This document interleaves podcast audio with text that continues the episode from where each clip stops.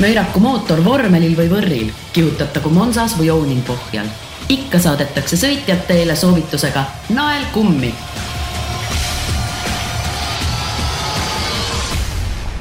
tere taas, eetris on Õhtulehe mootorispordisaade Nael kummi mina saatejuht Viljar Voog ning oleme läinud taas nelja ratta pealt kahe peale, sest minu tänaseks külaliseks mees, kes hakkab sõitma siis äh, nagu suurelt on kirjutatud MM-sarjas ehk siis äh, motoringrajasõitja Hannes Soomer. tervist! kuule, Hannes, ma usun, et meil on sinuga rääkida küll ja veel, aga ma arvan, et kõige tähtsam asi, mida me peame selgeks tegema, sest ega, ega inimesed väga palju sellest ei tea. ehk siis sa hakkad sõitma supersport sarja, mis on siis sõsasari äh, superbikeide MM-ile nii-öelda. pane enda sõnadesse, mis pagana vahe neil on, noh, me teame ju, et on MotoGP ja siis nende alamsarjad on Moto2, Moto3 ja. ja siis on super, äh, superbike'id ja siis supersport ja sealt siis superstock. mis vahe neil kõigil üldse on? ongi, maailmas on kaks konkureerivat nagu maailmameistrivõistluste sarja. on superbike ja on MotoGP. Superbike ja MotoGP mõlemad on tuhandesed mootorid Superbike'i ja MotoGP erinevus on see, et MotoGP on täiesti prototüüp. Neid mootorrattaid on täpselt nii palju maailmas olemas, kui palju neid telekas on näha. Superbike on ehitatud nii-öelda poemootorratast. sellise näoga mootorratast nagu Superbike'ide sarjas sa võid minna ja poest endale osta. samamoodi nagu MotoGP-l Moto2 on Superbike'il Supersport, kus on siis, mõlemal on kuuesajased mootorid, jälle erinevus on täpselt sama, Moto2 on prototüüp ainult võidusõidu jaoks, supersport on tänava mootorratta näoga, lihtsalt natuke tuunitud, kaasa aidatud ja, ja kiire. aga on seal sõitja jaoks ka mingit vahet või noh, ütleme siis selles mõttes, on seal selle sõidukogemuse, sõidu äh, väljanägemise poolest ka mingit vahet, et kas see, et milline ratas täpselt istumise all on, kas on, on see nii-öelda protoratas, nii nagu seal MotoGP-s või siis need modifitseeritud tänavarattad, kas näiteks möödasõitjad teeb kuidagi kergemaks, kas, kas sellised vahed kuidagi eksisteerivad? võidusõit on üsna sarnane et äh, MotoGP mootorratastel on, on see, et neil on väga palju rohkem valikuid elektroonika ja kontrollidega. ja nad on palju, nad on kergemad, ma ei tea, kümme kilo äkki. aga, aga kindlasti ei ole MotoGP võidusõit nii palju parem, kui palju ta kallim on, et äh, enam-vähem võidusõidud, möödasõidud, see mida telekast vaadata, loomulikult show on MotoGP-l nagu väga tipptasemel, aga võidusõidu pool on üsna, üsna sarnane, et Superbike'is on ka viimased sõidud olid ikka noh, ajas vaatajad tagajalgade peale ikka, et see möödasõidud ja, ja action'it on seal ikka sama palju kümme kilo rattad kergemad, me teame vormel üks sarjast hiljuti Nico Rosberg rääkis, et kuidas ta jalalihased lasi nõrgemaks meelega, et sealt kaotas ühe kilo, siis sai rajal null koma kolm sekundit juurde, et noh, see kiiruses on see vahe kindlasti suur. aga sõitja, ütleme, kui sa külje maha paned, no ikka juhtub, vaata, kas sa siis, siis sa tunned seda kümnekilost vahet või mitte? see Nico Rosbergi ühe kilo null ja null koma kolme sekundi null koma null kolme, vabandust. et see on ka ikkagi udu, et see on, väga palju aetakse jama sellisel puhul, et jah, kümmet kilo tunneb, aga seda, kui palju, kui kiire tegelikult Superbike'i mootorratas on, oma selle, oma kaalu ja kõigega, on müstiline, et nüüd hiljuti oligi, oli Superbike'i test Jeresi ringrajal, kus tegelikult Superbike, Jonathan Rea Superbike'iga sõitis Valentino Rossi MotoGP aja üle. Need, need on väga, väga, väga lähestikku, need on isegi nagu ebanormaalselt lähestikku, kui kiire see Superbike tegelikult on ja, ja super, supersport ja Moto2 on siis nagu sarnaselt, et Moto2-l on natuke vähem jõudu kui superspordil, aga ta on samamoodi jälle kergem. et see, see aeg on, stiil on natuke erinev, mida sõidetakse, aga ringaeg kokkuvõttes on üsna, üsna sarnane ma ütlengi, et kui sa võrdled seda, kus, seda sarja, kus sa nüüd sõitma hakkad, noh, sa ei alusta nullist, eks, on eelmisest aastast kolm sõitu vist all või kolm etappi? jah, kolm etappi et kas see ongi siis nii-öelda võrreldav selle teise astme sarjaga allpool seda tippu, ehk siis äh, Superbike'i, nii nagu ongi Moto2? jah, see, see on, see on võrreldav, et äh, täpselt samamoodi nagu Moto2 ja MotoGP on ka, on ka supersport, nii et noh, kõige rohkem on pildis Superbike, järgmisel kohal on supersport, seal vahel midagi ei ole, rohkem sõite eurospordis ei näidata kui ainult supersport ja superbike, et see, kui seal suudad nagu kiiresti sõita, siis sa oled ikkagi pildis ja sa oled kõiki, sa oled ka MotoGP meeskondade vaateväljas ja Moto2-d ja superspordist Moto2 liikumine on üsna nagu kui sa oled selleks sobiv ja kiirus on olemas, siis see ei ole midagi nagu imelist. Mäletan, ma intervjueerisin sind viimati vist oli poolteist aastat tagasi su koduõuel ja siis me rääkisime sellest, et noh, mot-, siis sa sõitsid European Junior Cupi, ehk siis no, nii-öelda kõige, kõige madalamat seal toetussarja selle superspordil, sa ütlesid, et näiteks Moto3 sarja liikumine sinu puhul ei, ei tuleks kas või sellepärast kõne alla ilmselt, et sa oled ise nagu füüsiliselt liiga, liiga suur või raske, et noh, masinatel oleks see ajakaotus piisavalt suur. kuidas, kuidas praegu selliste asjadega kõigiga seis on? moto, Moto3-e minemine oleks praegu tagasisamm kindlasti. ma mõtlen, toona sa ütlesid jah, sest et siis, siis oli see, oleks olnud nii-öelda samm edasi, aga mõttetu samm edasi, siis yeah. Moto3-e, Moto3-e mootorrattad kaaluvad enam-vähem seitsekümmend viis, kaheksakümmend kilo. see mootorratas, millega mina hakkan järgmine aasta sõitma, kaalub sada viiskümmend viis. et äh, Moto3 on üsna selline väikeste poiste ala, mitte et ma oleks tohutult ülekaalus, ma olen, ma arvan, viimased viimase kahe aasta jooksul ma olen pigem alla võtnud või samas kaalus, et eh, see kaal, kus ma praegu olen superspordi jaoks, on suhteliselt okei okay.. sest on kilo kaks on võib-olla veel noppida, aga see ei ole nagu, ma ei ole selles kohas, kus ma olin mõned aastad tagasi, kus ma olin märgatavalt raskem kõigist teistest, et eh, praegu mul on pigem nii, et ma saan oma kaaluga nagu siis mootorratta käsitlemisel ma saan tagasi teha, ma saan nagu suurema jõuga mootorrattat käsitleda, et kui kui oled väga kerge, oled viiekümnekilone kutt, siis sa ei saa sellega hakkama lihtsalt, et et see on niisugune kahe otsaga asi. kui kergelt või raskelt see otsus eelmine aasta tuli, et proovida seda superspordi asja nüüd, et sa olid nii-öelda selles samas Junior Cupis ju noh, esikoha konkurentsis, ütleme siis jah, konkurentsis, et sa olid küll teisel kohal vist, aga, aga noh, vahe oli kümme punkti, aga aga selle asemel, et tiitlit nagu, et oleks ilus kaminasilmsil midagi näidata, selle asemel otsustasid, et prooviks nagu ikka kõrgemalt sõita seal hooaja viimasel kolmel etapil.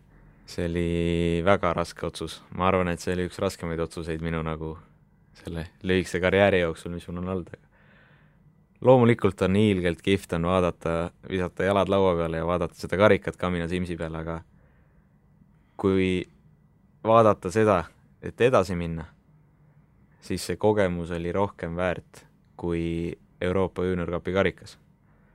et äh, aasta alguses oli näha, hoog oli olemas neljast sõidust, mis ma sõitsin, kaks ma võitsin ja ühe ma väga lolli veaga andsin käest ära, kus siis natuke ka mahajääjatega koos ja kõigega, niisugune suur, suur kompott oli, millega ma siis kaotasin palju aega Doningtonis ja et see hoog oli olemas, oli olemata vahe, vahe, mis seal oli, kui ma ära läksin ja aga kui vaadata praegu tagasi, siis ma olen selle valikuga rahul, et see, need kolm sõitu Kalju Racinguga, see oli väga nagu, see oli väga-väga hea, hea ja just vajalik kogemus selle aasta jaoks. et see nagu töö, töö tegemisrežiim ja kõik see nagu sisse saada, et kuidas rehvid õppida selgeks, et kui juunior cup'is meil on üks rehv, nagu rehvi tüüp, ja kaks jooksurehve nädalavahetuse jooksul. ja kõik vahetavad samal ajal, seal ei ole mitte mingit mõtlemist nagu sellega siis äh, superspordis meil on kümme tagumist ja kaheksa esimest ja kolm erineva se-, erinevat segu mõlemat, et sellega, see töö tuli juurde. samamoodi võidusõit on kümme ringi pikem, et see, sellega harjumine, et lõpuni vastu pidada, kõik see, kõik see elu ja sellega harjumine oli nagu, oli nagu vajalik, et selle aasta alguses rohkem valmis olla. on see füüsiline või vaimne väsimus, mis see kümme ringi ena-, enam nagu juurde annab? mõlemat üks asi on füüsiline, kui käed-jalad ära väsivad, siis, eh, siis on loomulikult keeruline sõita, aga, aga see, mis nagu vigu paneb tegema, see on rohkem vaimne, et see nagu üks võimendab teist. kui käed-jalad väga ära väsivad, siis väsib ka pea rohkem ära. aga ainult jõusaali trennist ei piisa ka, et võidusõitu lõpuni vastu pidada. Need eh, kolm etappi, mis eelmine aasta siin Lõuna-Euroopas kaasa sõitsid, et punkti kohta näiteks ei tulnud või? kuidas sa see, nende tulemuste põhjal, nendega saadud kogemuste põhjal endale üldse järgmiseks aastaks sihte julged seada? punkti koht tuli Prantsusmaal. aa, tuli? olin kaheteistkümnes, aga jah, nii hästi ei läinud, kui me lootsime. et äh, see, kust, see emotsioon, millega me siit nagu Eestist ära läksime, tegelikult peaaegu sama mootorrattaga Pärnu võidusõidul, siis kui oli ka Soome Niki Tuuli oli siin, et siis me saime nagu Nikile vastu. Aga ei tea, kas seal oli, kas, mis see muutus oli, kas see oli mootor, kas see oli pinged nii nagu minul kui ka kogu meeskonnal, mis seal oli, seda ei oska keegi, tagantjärgi pole mõtet targutada ka, aga fakt oli see, et meil nagu päevad vennad ei olnud, et mõni päev oli hiilgoog üleval, Superbowlis oli punast aega näida-, näitasin ja järgmine päev olin kakskümmend üks ja mitte mingi valemiga ei saanud ettepoole, et eh, see töö tegemise rahu, see, et kogu meeskond liigub sama eesmärgi nimel, rahulikult mõeldakse, kõik, kõik on hingega asja juures, see on tohutult oluline ja see on, see on see, mis nagu võib-olla siis nagu võõras meeskonnas oli natuke puudu eelmise aasta lõpus. et aasta alguses, kui ma juuniorkapis olin, siis see oli tegelikult kaks meest minuga kaasas, oli mu isa ja oli meie nagu mõlema siis mehaanik, kes oli isaga ka siis, kui tema võidu sõitis, kellega me oleme nagu pere, noh, eluaeg olen mina näinud, et kõik, kõik teevad ühise eesmärgi nimel tööd ja see on nagu täielik usaldus oli seal. võib-olla see oli natuke mis oli raske koht aasta lõpus? Äh, superbikeide MM-sari algab juba tegelikult samal nädalavahetusel kui järgmisel nädalavahetusel siis, et samal kui meie Eestis siin ilusti vabariigi aastapäeva tähistame, üheksakümne üheksandat, siis sõidetakse Austraalias esineja ringrada, esineja ring, esimesed võistlused. miks sina siin rahulikult Eestis koolis käid ja ise juba lennuki peal ei ole? see aasta me, mina veel osalen MM-i nagu, MM-i stardid, kõik MM-i klass, aga ainult Euroopa etappidel. minul jääb ära kolm etappi, Austraalia, Tai ja Katar. selline otsus, miks mitte sõita kolm etappi lisaks, tuli, ei olnud ainult minu otsus, ei olnud ainult meeskonna otsus, see, arutasime kõik, mina, siis nagu meie meeskond ja ja ka Honda, kes ja selline otsus tuli lihtsalt sellepärast, et oleks, rajad on juba tuttavad, et oleks kerge harjuda ja, ja et oleks nagu lihtsam hoog üles saada, et see Euroopa arvestus on täpselt, ongi selle jaoks tehtud, et esimene aasta tuled, siis on nagu natukene lihtsam harjuda, eriti kui tuled Euroopast, sul on osa radu on juba tuttavad, minul on kõik rajad tuttavad, see muidugi lähed esimesed kaks, kaks rada on Austraalia, Phillip Island ja Tai, siis äh, kohe võõrale rajale, siis see on nagu jube keeruline.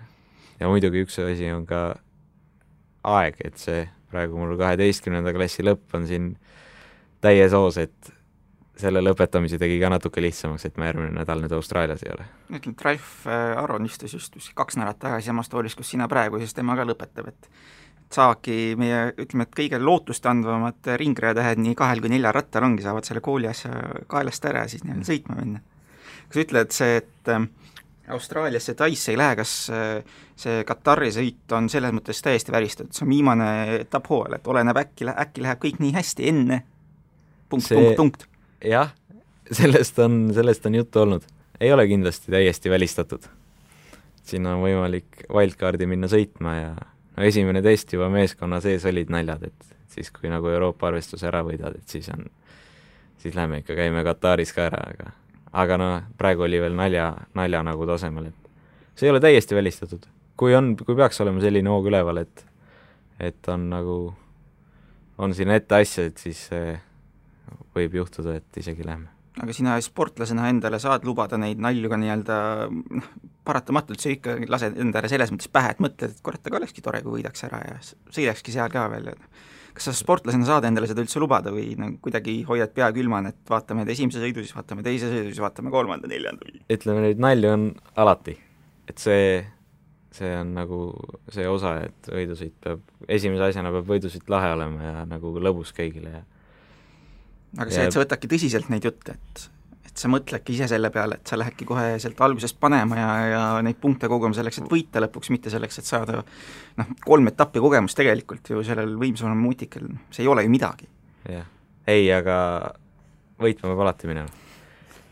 niikaua, kui mootorratas on, mootorratas on nagu käe sees ja kui kõik läheb nii, nagu peab, siis mul ei ole mitte midagi puudu sellest, et ma ei võiks seal punktidele sõita ja et Euroopa arvestus on praegu kas äkki seitse, seitse sõitjat, üks itaallane on nagu väga kiire, kes oli eelmine aasta Euroopa teine,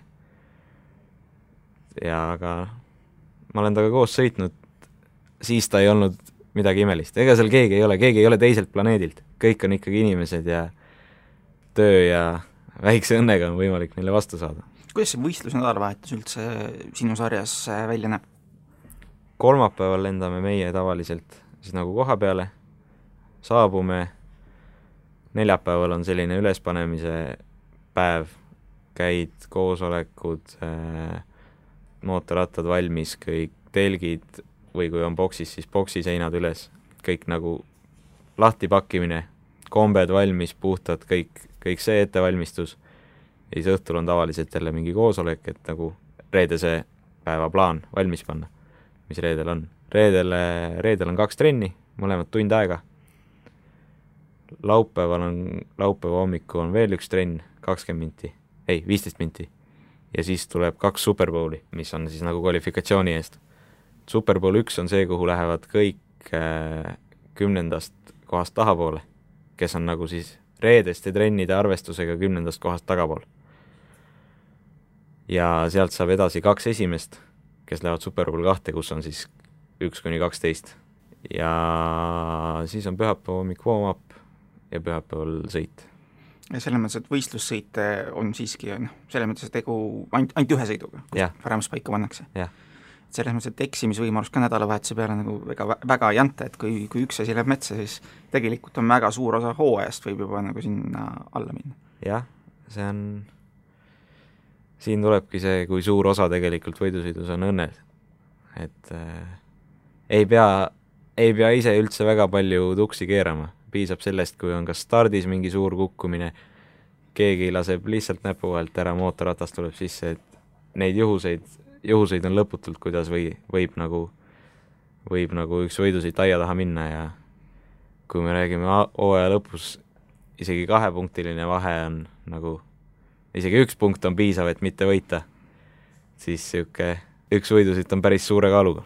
aga saad sa endale lubada seda, et sa võtad näiteks esimeses kurvis stardist lähed natuke ettevaatlikumalt minema, esimeses kurvis ei pane kõike välja kohe, samas noh, võib-olla kaotad sellega kaks kohta või kolm kohta teadmisest, samamoodi ju siis, need on ka kaotatud kohad jah, siin on kompromissi koht.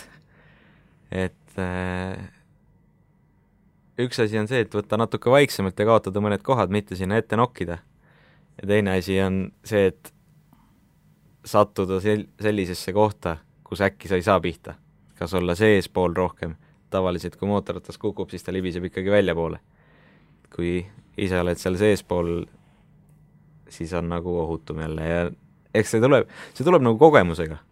kui stardihetk käib, et siis kuidagi näed selle koha ära, kus võib-olla on natuke ohutum, kus äkki sulle ei saada pihta ja loomulikult on hea start ka, hea stardikoht ja hea start on ka nagu väga määravad, et eh, kui start läheb väga tuksi, kui oled seal paki keskel, siis sul on suurem šanss pihta saada kui siis, kui sa oled esiridades kuskil ja, ja oled nagu esimese viie-kuue mehega seal ees. kas sa ise oled nagu vaimse, või nagu selle siis enda sõidustiili poolt, oled selline nagu eestlaslikult tagasihoidlik või, või agressiivne sõitja?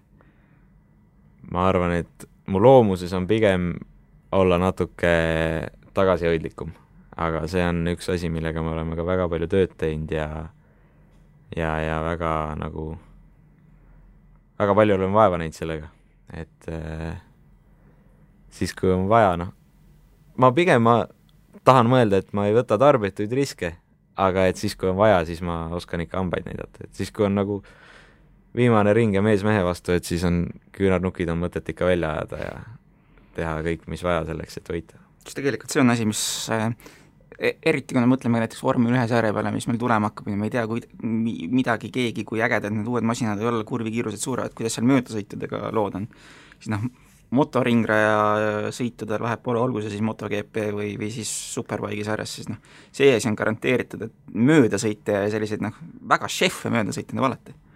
Jah, üks asi on kindlasti see, et mootorrattal on päris palju rohkem ruumi raja peal. rada on sama lai, aga mootorratas on poole, poole kitsam kui, kui auto ja, ja mootorratas on, kunagi oli see, et mootorrattad sõitsid nagu natuke rohkem eraldi ja autodel oli hiilge kontaktisport nagu stanges, stanges kogu aeg. tänapäeval see on minu arust vastupidi. mootorratas on ikkagi ongi küünarnukid, asjad käivad koos, kummijutid on kondlite peal sõidu lõpuks, aga kui vaatad nagu vormel ühte tänapäeval, siis minu arust on üks, üks mees on veel, kes teeb seal kihvte möödasõite ja, ja teised ikka tahaks raadiosse natuke karjuda, et nii ei tohi. sinu eh, selle hooaja meeskond, Willsport, ütlesid ka, et noh, Honda, Honda nii-öelda firmana on ka seal taga samas kui ma mõtlen selle peale ka, et kes on valitsev äh, MotoGP maailmameister, mis tsikliga tema sõidab, siis ka noh, Honda, et kui palju need, need Hondad tegelikult siis nagu nii-öelda firmade poolest sarnanevad, kas see on seesama Honda, mis seal taga on või, või kuidas see kõik äh, toimib? see on, Honda on ikka Honda, aga kui me vaatame MotoGP-d, siis MotoGP mootorratast iga aasta arendatakse. seal on ma arvan, sada inimest seal taga, kes mõtlevad iga päev ainult sellele, kuidas sealt seda viimast poolt sekundit, viimast kümnendikku, seda viimast kas või riski maandamist, kuidas seda kätte saada. kuuesajane Honda on väikeste muudatustega enam-vähem kümme aastat vana mootorratas. sinna on ainult facelifti tulnud, mootor ja raam on kümme aastat vana. ja see endiselt on kõige parema juhitavusega kuue, kuuesajane veel. et äh, see nimi on sama, aga ütleme, raske on võrrelda seda. üks asi on ka see, et siis nagu Superbike'i pool nii palju arendustööd, tööd ei ole võimalik teha. Honda ei saa lubada endale seda, et nad iga aasta panevad uue kuuesajase müüki. seal on need homologatsioonid, sa pead neid minu arust kas äkki viissada tükki müüma, selleks et ta saaks homologatsiooni, ta oleks, lubatakse võistelda. et nii palju muudatusi nagu MotoGP-s ei ole, ei ole nagu võimalik teha no ma mõtlesingi, selle küsimuse taust on umbes selline, et noh, ma mäletan ise nooruses sai vanaisaga väga aktiivselt jälgitud, kas see ITV pealt või kunagi, kunagi vist näitas neid kas isegi sõite või lihtsalt eh, etappide kokkuvõtteid ja siis, kuidas Mikk Tuuhan oma Repsol Hondaga seal asja tegi, et praegu ju Mark Marquez Repsol Honda meeskonnas kirjadega on, et kas, kas nagu lootust on ka, et eestlane nagu, kui sa sõidad niikuinii Honda toetatavas tiimis, et, et et see nii-öelda sarjaülene koostöö seal ka käib ja, ja seal jutud käivad või, või jah, seda, seda kindlasti, et äh, mootorrattatootjad, Yamaha, Honda, kõik, nad ikkagi, neile meeldib nagu oma tuntud sõitjaid kasutada, kes on nagu, kelle, keda nad tunnevad. et see on, praegu on ka natuke veel rohkem kui Hondaga, on koostöö selle Hollandi Den Gate'iga siis Den Gate on viimased, ma arvan, viisteist aastat ehitanud kõik Honda tehase superbike'id ja superspordid samamoodi. Kõik need mootorrattad, millega Nicky Hayden sõidab ja Stefan Bradl see aasta nüüd superbike'iga, et see kõik on nagu Den Gate'i, Den Gate'i majast on tulnud.